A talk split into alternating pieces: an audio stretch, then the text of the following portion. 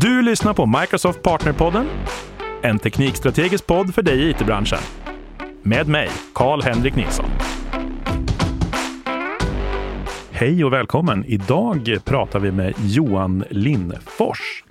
Johan har jobbat på samma företag som jag har gjort förut. I 13 år var han hos oss på Microsoft. Sen har han varit egen konsult i 10 år fokuserat väldigt mycket på vårt ekosystem och byggt en massa coola appar. Och eh, jag vet att du också var Microsoft Regional Director mellan 2017 och 2019. Så att eh, du har gjort massor med häftiga grejer. Vad gör du idag? Oj, ja, tack för den introduktionen. Jag, nej, jag, just nu jobbar jag på ett eh, säkerhetsföretag i Stockholm, eller i Sverige, som heter Trusec. Det har du precis börjat med, eller hur? Du har ju precis landat på Trusec, som är en av våra trevliga Microsoft-partners. Verkligen. Jag har nu gjort fyra veckor, ska jag säga, så att jag känner mig eh, börjar bli varm i kläderna, men absolut inte senior i rollen, om man kallar för det. Jag förstår. Eh, för jag tänker alltid, när jag funderar på att starta eget, då är det ju dig jag skulle gått och prata med. För du är ju för mig så här, du är ju IT-egenföretagaren, rockstjärnan. Hur, hur kommer det sig att man går till Trusec? Det var inte så svårt faktiskt. Jag har haft en otroligt rolig resa med eget företag där jag drev CodeRox under tio års tid och egentligen och fokuserade precis som du sa på Microsofts eh, plattform ekosystem, byggde mycket appar. Och de senaste sex åren, ska jag egentligen säga, sex, sju åren, så har jag nästan helt och hållet bara byggt spel. Vilket har varit otroligt roligt och spelprogrammering har varit en stor passion för mig. Men jag har ju också blivit äldre på resan liksom och känt att det kanske är dags att göra något som faktiskt betyder något om jag vill om jag generaliserar lite. Och, eh, när Truse kontaktade mig i höstas och började prata om att vi skulle göra en gemensam resa egentligen tillsammans och berättade om sitt mantra, vilket är förhindra dataintrång. Då köpte jag det med hull och hår verkligen. Det är verkligen någonting som jag kan gå igång på och som jag tar till mig till hjärtat att det här vill jag, den här resan vill jag vara med på. Och det är precis det vi gör. Vi jobbar med att förhindra dataintrång. Det låter ju faktiskt som ett, ett, ett väldigt eh, härligt mantra att gå till jobbet med. Men om vi tar det då, som dagens första ämne. Så här, hur förhindrar vi dataintrång? Mina partners som jag pratar med och de som kommer lyssna på det här bygger ju superavancerade applikationer i molnet. Liksom. Hur förhindrar vi dataintrång i vår molnplattform? Egentligen så behöver vi nog ta ett steg tillbaka och säga liksom vad, vad är det vi behöver ta hänsyn till när vi, när vi pratar om de hot och attacker som faktiskt finns på marknaden idag och som tyvärr blir fler och fler och värre och värre så är det ju att vi kan börja med att försöka förutse vilka dataintrång som kommer att ske. Och det gör vi genom att vara medvetna om vilka risker vi har, vilka eh, säga, attackvektorer som är potentiellt eh, intressanta för att attackera, ta sig, att, att ta sig in på vårt företag. Det kan vara både fysiskt eller digitalt.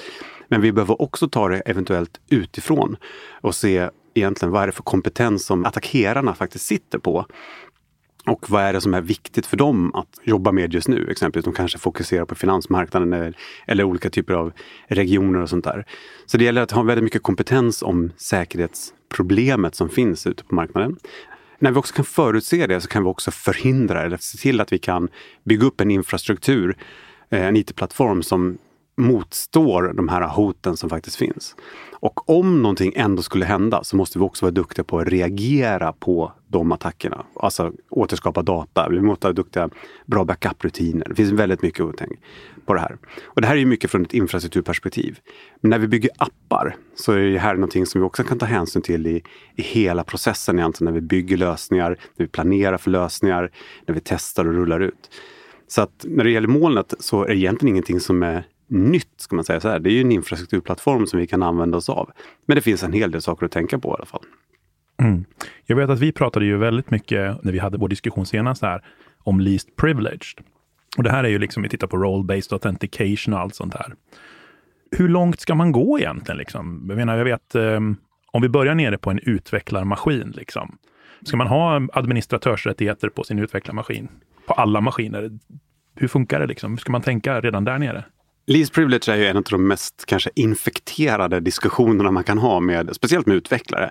Eftersom alla, eller många ska säga, generellt vill ha så mycket rättigheter som du bara kan. Det är bekvämt, du hamnar i någon sorts falsk trygghet av att du vet exakt vad du kan göra med datorn. Problemet är att när du har administrativa rättigheter så kan du också utsätta din dator och det du har på datorn och ditt företag också med en betydligt större risk än om du har mindre rättigheter. Och många av de som jag träffar nu, de är så pass mogna, skulle jag vilja påstå, i sin roll som utvecklare eller administratör eller användare att de faktiskt hellre vill ha så lite rättigheter som det bara går. Och det är inte för att det är bekvämt på det sättet, utan det är egentligen för att få en känsla av att om jag tabbar mig eller klantar mig eller någon attackerar min dator eller mitt konto så kommer åtminstone inte bli värre än vad det blir, om man säger så, med de rättigheter som finns. Det här finns ju på allt ifrån datorn som man sitter på men ända upp i molnet egentligen. Exempelvis eh, least privilege i molnet kan vi tänka, ett exempel är att inte lägga alla ägg i samma korg. Att försöka separera utveckling, test och produktionsmiljö från varandra. Kanske inte ha allting på samma prenumeration ens utan faktiskt kanske vara så pass kryptografiskt separerade från varandra så att man försöker verkligen isolera miljöerna. Jag tror mycket på det där, för jag ser ju också att våra partners, de kommer in med så här de har Microsoft 365 for Development och sådana här konton så att de verkligen, alltså deras testmiljöer har helt separata konton från andra tenants och sådana här grejer. Och jag har även sett nu att det börjar bli populärt med sådana här, vad heter det, self-service-portaler. Man, man liksom beställer en tidsbegränsad rättighet att göra någonting. Liksom. Absolut, och sånt där tror jag är helt sunt. Och jag vill också förespråka mer secure by default, alltså verkligen försöka se till att man sätter sig själv i en trygghet redan från början. Att man egentligen försöker välja de tjänster som faktiskt är säkra by default eller åtminstone faktiskt sätter sig in i säkerhetsnivåerna och säkerhetsområdena på respektive funktion som du slår på. Därför tyvärr är det så ofta så att alla tjänster som man kan konsumera i molnet är inte secure by default utan det finns en hel del öppningar och som sårbarheter. Och det här betyder att man behöver vara medveten och kompetent i området. Absolut. Hur höjer man sin kompetens där? Jag tänker mig, för typ 20 år sedan när jag klev in i branschen, vi pratade ju hotmodellering redan då. Mm. Jag antar att den har utvecklats lite sedan jag började. Ja, hotmodellering är ju ett av de vanligaste övningarna som görs för säker applikationsutveckling. Och det är en övning som är otroligt viktig och otroligt central i att, att faktiskt lära sig och förstå sig på vad är det för hot som finns på våra applikationer och det som vi planerar att bygga. Alltså väldigt tidigt i processen, redan i kravspecifikationsdelen egentligen, säga vad är det vi kommer att göra i den här lösningen. Vad har vi för syfte med den? Vad är det för data vi kommer spara? Vad har den för hot? Eh, vad, vad, skulle hända exempelvis om det här datat kom ut på marknaden? Alla sådana saker kan vi identifiera väldigt, väldigt tidigt. Och ju tidigare vi kan identifiera det här, desto lättare är det för naturligtvis att förhindra att det uppstår. Men hotmodellering kan man göra inifrån och ut, där vi alltså tittar på, igen då egentligen, vi tittar på vad det är för data vi har och vad det är för attackvektorer vi öppnar upp när vi bygger lösningarna. Men det är lika viktigt kanske att titta faktiskt på hotmodellering utifrån och in. Och där är det då alltså egentligen att förstå sig på vad är det för attackvektorer som de vanligaste aktörerna idag använder och hur är de egentligen riktade mot mig.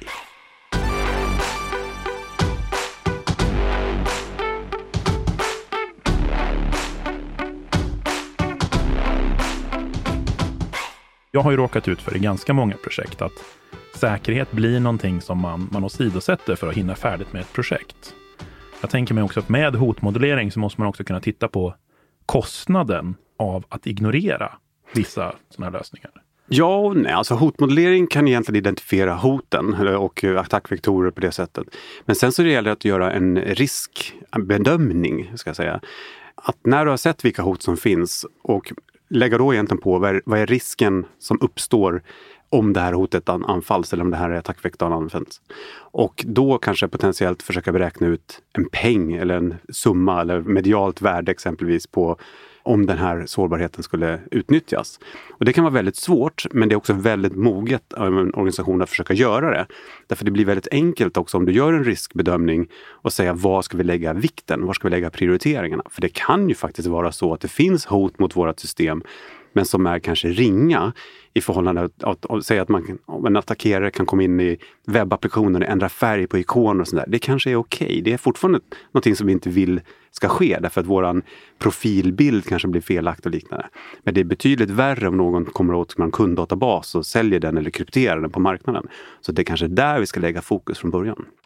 Vad är de vanligaste händelserna? Vad är det man missar? Liksom? Har vi några exempel på, på grejer som man ofta borde bara missa, liksom, som, som man blir attackerad på? Det finns en jättebra resurs som utvecklare bör sätta sig in i och det är OWASP Top 10.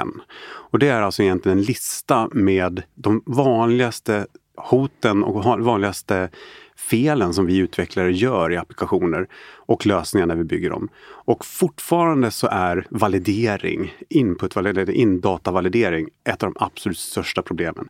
Vilket egentligen betyder att vi som utvecklare är dåliga på att se till att den data som kommer in i våra system är korrekt.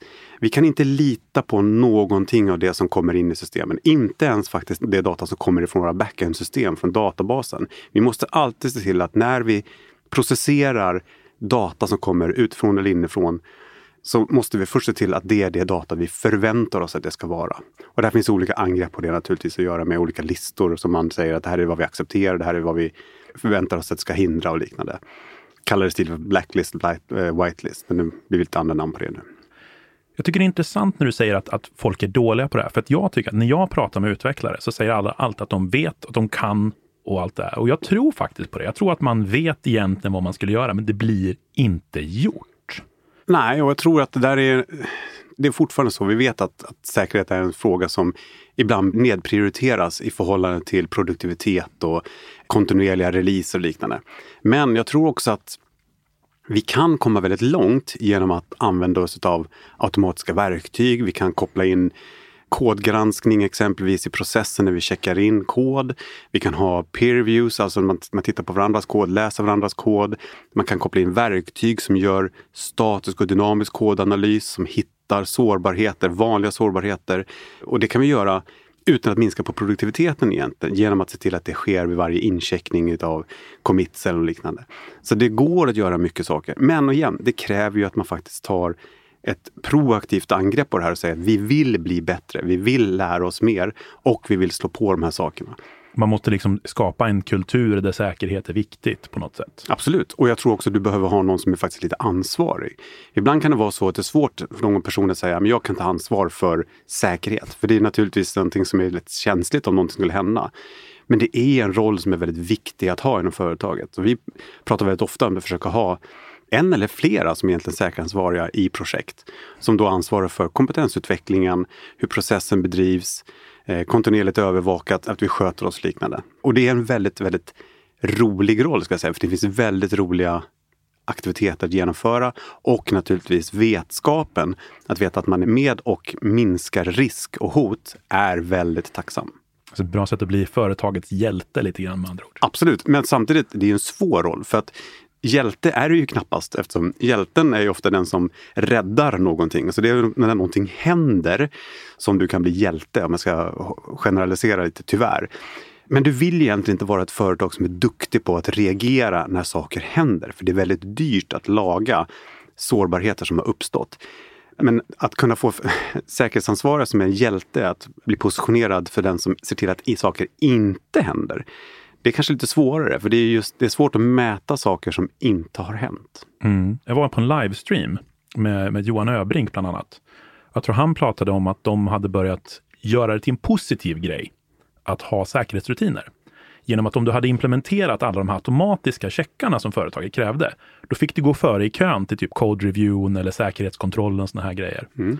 Jag tror att det kan vara ganska vettiga saker också att göra. Alltså göra det, det här hela säkerhetsgrejen till en positiv upplevelse. Ja, men det går att göra övningar roligt och det är roligt att hålla på med säkerhet. Just att veta att du gör saker och ting faktiskt bättre. Så tydligt mycket bättre än vad det hade kunnat vara tidigare. Och det finns väldigt mycket bra verktyg och processer för att göra det. Så jag tror egentligen kompetensutvecklingen måste komma. Utvecklare måste mogna lite in i sin roll. Att vara seniorutvecklare exempelvis, det kan jag tycka faktiskt är att faktiskt ta ansvar för inte bara koden jag skriver utan också min egen miljö och exempelvis det här med least privilege vi pratade om tidigare. Att faktiskt kanske säga till IT-avdelningen att nej, men jag vill inte ha administrativa rättigheter på min dator. Jag vill ha så lite rättigheter på min dator som jag behöver. Jag vill inte ha åtkomst till produktionsdatabasen. Det finns inget syfte för att jag ska kunna göra det. Utan det, jag kanske behöver komma åt testdatat. Det, det kanske kan vara viktigt. Liksom. Mm. Jag ska inte ens komma åt produktionsmiljön. Det ska vår pipeline göra. Jag, jag behöver inte ha någon fysisk åtkomst till den eller digital åtkomst heller. Nej, det här är ju någonting som man ser hela tiden och jag tycker just det här med att man ska inte ha åtkomst till produktionsmiljön. Allt det ska göras automatiskt. Jag menar, det har ju vi babblat om. Det finns ju tusen anledningar till det och säkerhet är ju liksom ytterligare en anledning till Absolut. Och det är ju samtidigt lite sorgligt att en av de mest populära memerna som flyger runt är den här att när vi testar så testar vi produktion. Och det är ju väldigt sällan positivt att göra det. Alltså. Det håller jag helt med om. Samtidigt så, jag menar, om jag tittar på många av de bolag som finns så är det ju fortfarande så att .NET Framework, den gamla versionen av .NET, är ju fortfarande oerhört vanlig i stora, stora, stora produktionssystem. Och många säger till mig faktiskt att vi är lite rädda för att uppdatera, för vi är rädda för vår säkerhet. Hur tänker du där? Alltså nu börjar vi prata om tredjepartskomponenter eller ramverk generellt. Och det här är också någonting som har dykt upp på radarn på senaste egentligen, tiden. Inte för att det har varit ett vanligare problem, men egentligen för att det är viktigare att, att faktiskt se till att man är uppdaterad och patchad och se till att man har schyssta komponenter. Det är också någonting som flera attackvektorer visserligen går emot är att gå mot tredjepartskomponenter. Det kan vara svårt för företag ibland att veta vilken version av en komponent är säker och vilken osäker. Vad vi kan däremot vara ganska så säkra på det är att om jag sitter på gammal teknik, gamla ramverk, så finns det en större chans att de komponenterna inte uppdateras och patchas med säkerhetsuppdateringar i förhållande till de senare versionerna, de som är närmare det som vi kanske väl vill ligga på, det som är modern teknik. Så jag vill absolut rekommendera att man kanske inte ska ligga på det latest and greatest och betor och alfor. Det tycker jag verkar väldigt farligt. Men att åtminstone försöka hålla sig på modern teknik. Både från ett säkerhetsperspektiv därför att vi vet att har vi en komponent som är bra uppdaterad och det sker en sårbarhet i den komponenten så kommer då antagligen den komponentens senaste version bli den som uppdateras först innan man börjar backporta det här till tidigare versioner. Och då är vi hela tiden, det är lättare för oss att falla framåt egentligen naturligtvis. Men också från ett annat perspektiv och det är ju faktiskt att personalen eller de, de utvecklarna, de som sitter och skriver kod, kommer ju att tycka att det är roligare och mycket trevligare att jobba med modern teknik. Veta att man faktiskt förbättrar sin CV. Man får hålla på med det som skrivs om på marknaden och sånt där. Det är lätt att hitta information. Det gör att personalen tror jag blir mer produktiv och också kanske faktiskt motiverad att skriva bättre kod. Där man vet att man får hålla på med det som är viktigt och det som är intressant på marknaden. Du tänker liksom att att jobba med gammal kod skapar en kultur där man inte behöver uppdatera sin egen förståelse. Liksom. Motivationen till att sitta med gammal kod är ju generellt ganska låg, skulle jag vilja påstå.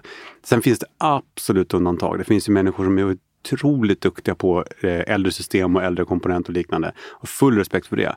Men jag tror att vi skulle må bra av att ha ganska uppdaterade system både när det gäller vår egen kod och tredjepartskomponenter. Om man nu lyssnar på det här och så tänker man, men shit, jag har aldrig gjort en threat model. Jag har aldrig tänkt på säkerhet så här. Om man lyssnar på det här, vi säger att man, eh, man lyssnar på det här på väg till jobbet eller innan man kliver upp ur sängen och kliver till sin laptop och börjar dagen. Vad är de så här, tre första stegen man ska ta om man inte har jobbat så mycket med säkerhet innan? Vad är de tre första stegen man bör ta? Jag tycker man ska börja med att inventera sin egen kompetens och sin egen, sitt eget beteende. Eh, det är naturligtvis det som är jobbigast också skulle jag säga. Men alltså kanske egentligen titta lite själv på hur agerar jag med min dator? Hur agerar jag med, med min IT-drift. Liksom. Lite, lite eh, koppla upp mig på trådlösa nätverk lite hur som helst. Hur förhåller jag mig till att öppna attachments i e-postmeddelanden? Ladda hem komponenter, ladda hem applikationer från internet som inte är trovärdiga eller tillförlitliga. Alltså egentligen se till att man lägger på lite mer sunt förnuft i hur vi faktiskt betraktar våra datorer, våra enheter. Det är det första jag tycker man ska bli bättre på. Själv har jag blivit bättre på att inte använda samma lösenord på samma tjänster och sånt där. Det finns massa tjänster som kan hjälpa en med det. Det är det första. Det andra är ju faktiskt att börja kompetensutveckla sig inom området säkerhet. Precis som att man kan kompetensutveckla sig inom olika språk eller i olika kompetenser som design eller arkitektur, så är säkerhet ett område där det finns ohyggligt mycket spännande och intressanta resurser.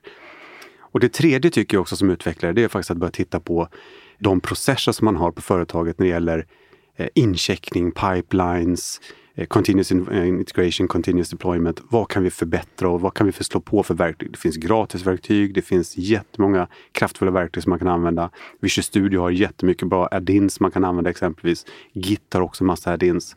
Så det finns, eller GitHub ska jag säga, det finns massa komponenter. Eh, så att det, är, det finns massa saker man kan göra. Men om jag skulle säga det igen då, om man ska börja. Börja med att inventera sig själv, sina egna beteenden bygga upp en kompetens och se till att man faktiskt intresserar sig för området säkerhet. Och det tredje är att titta på den pipeline som vi har och se om vi kan förbättra den egentligen med automatiserade verktyg. Det låter ju som en, en jättebra start. Ehm, jag får tacka dig så hemskt mycket för att du tagit dig tid att komma hit idag och jag ser fram emot att höra jättemånga av våra partners prata mer om säkerhet framöver. Jättespännande. Tack för att jag fick komma. Du har lyssnat på Microsoft Partnerpodden med mig, Karl-Henrik Nilsson. Som vanligt hittar du information och resurser på aka.ms partnerpodden.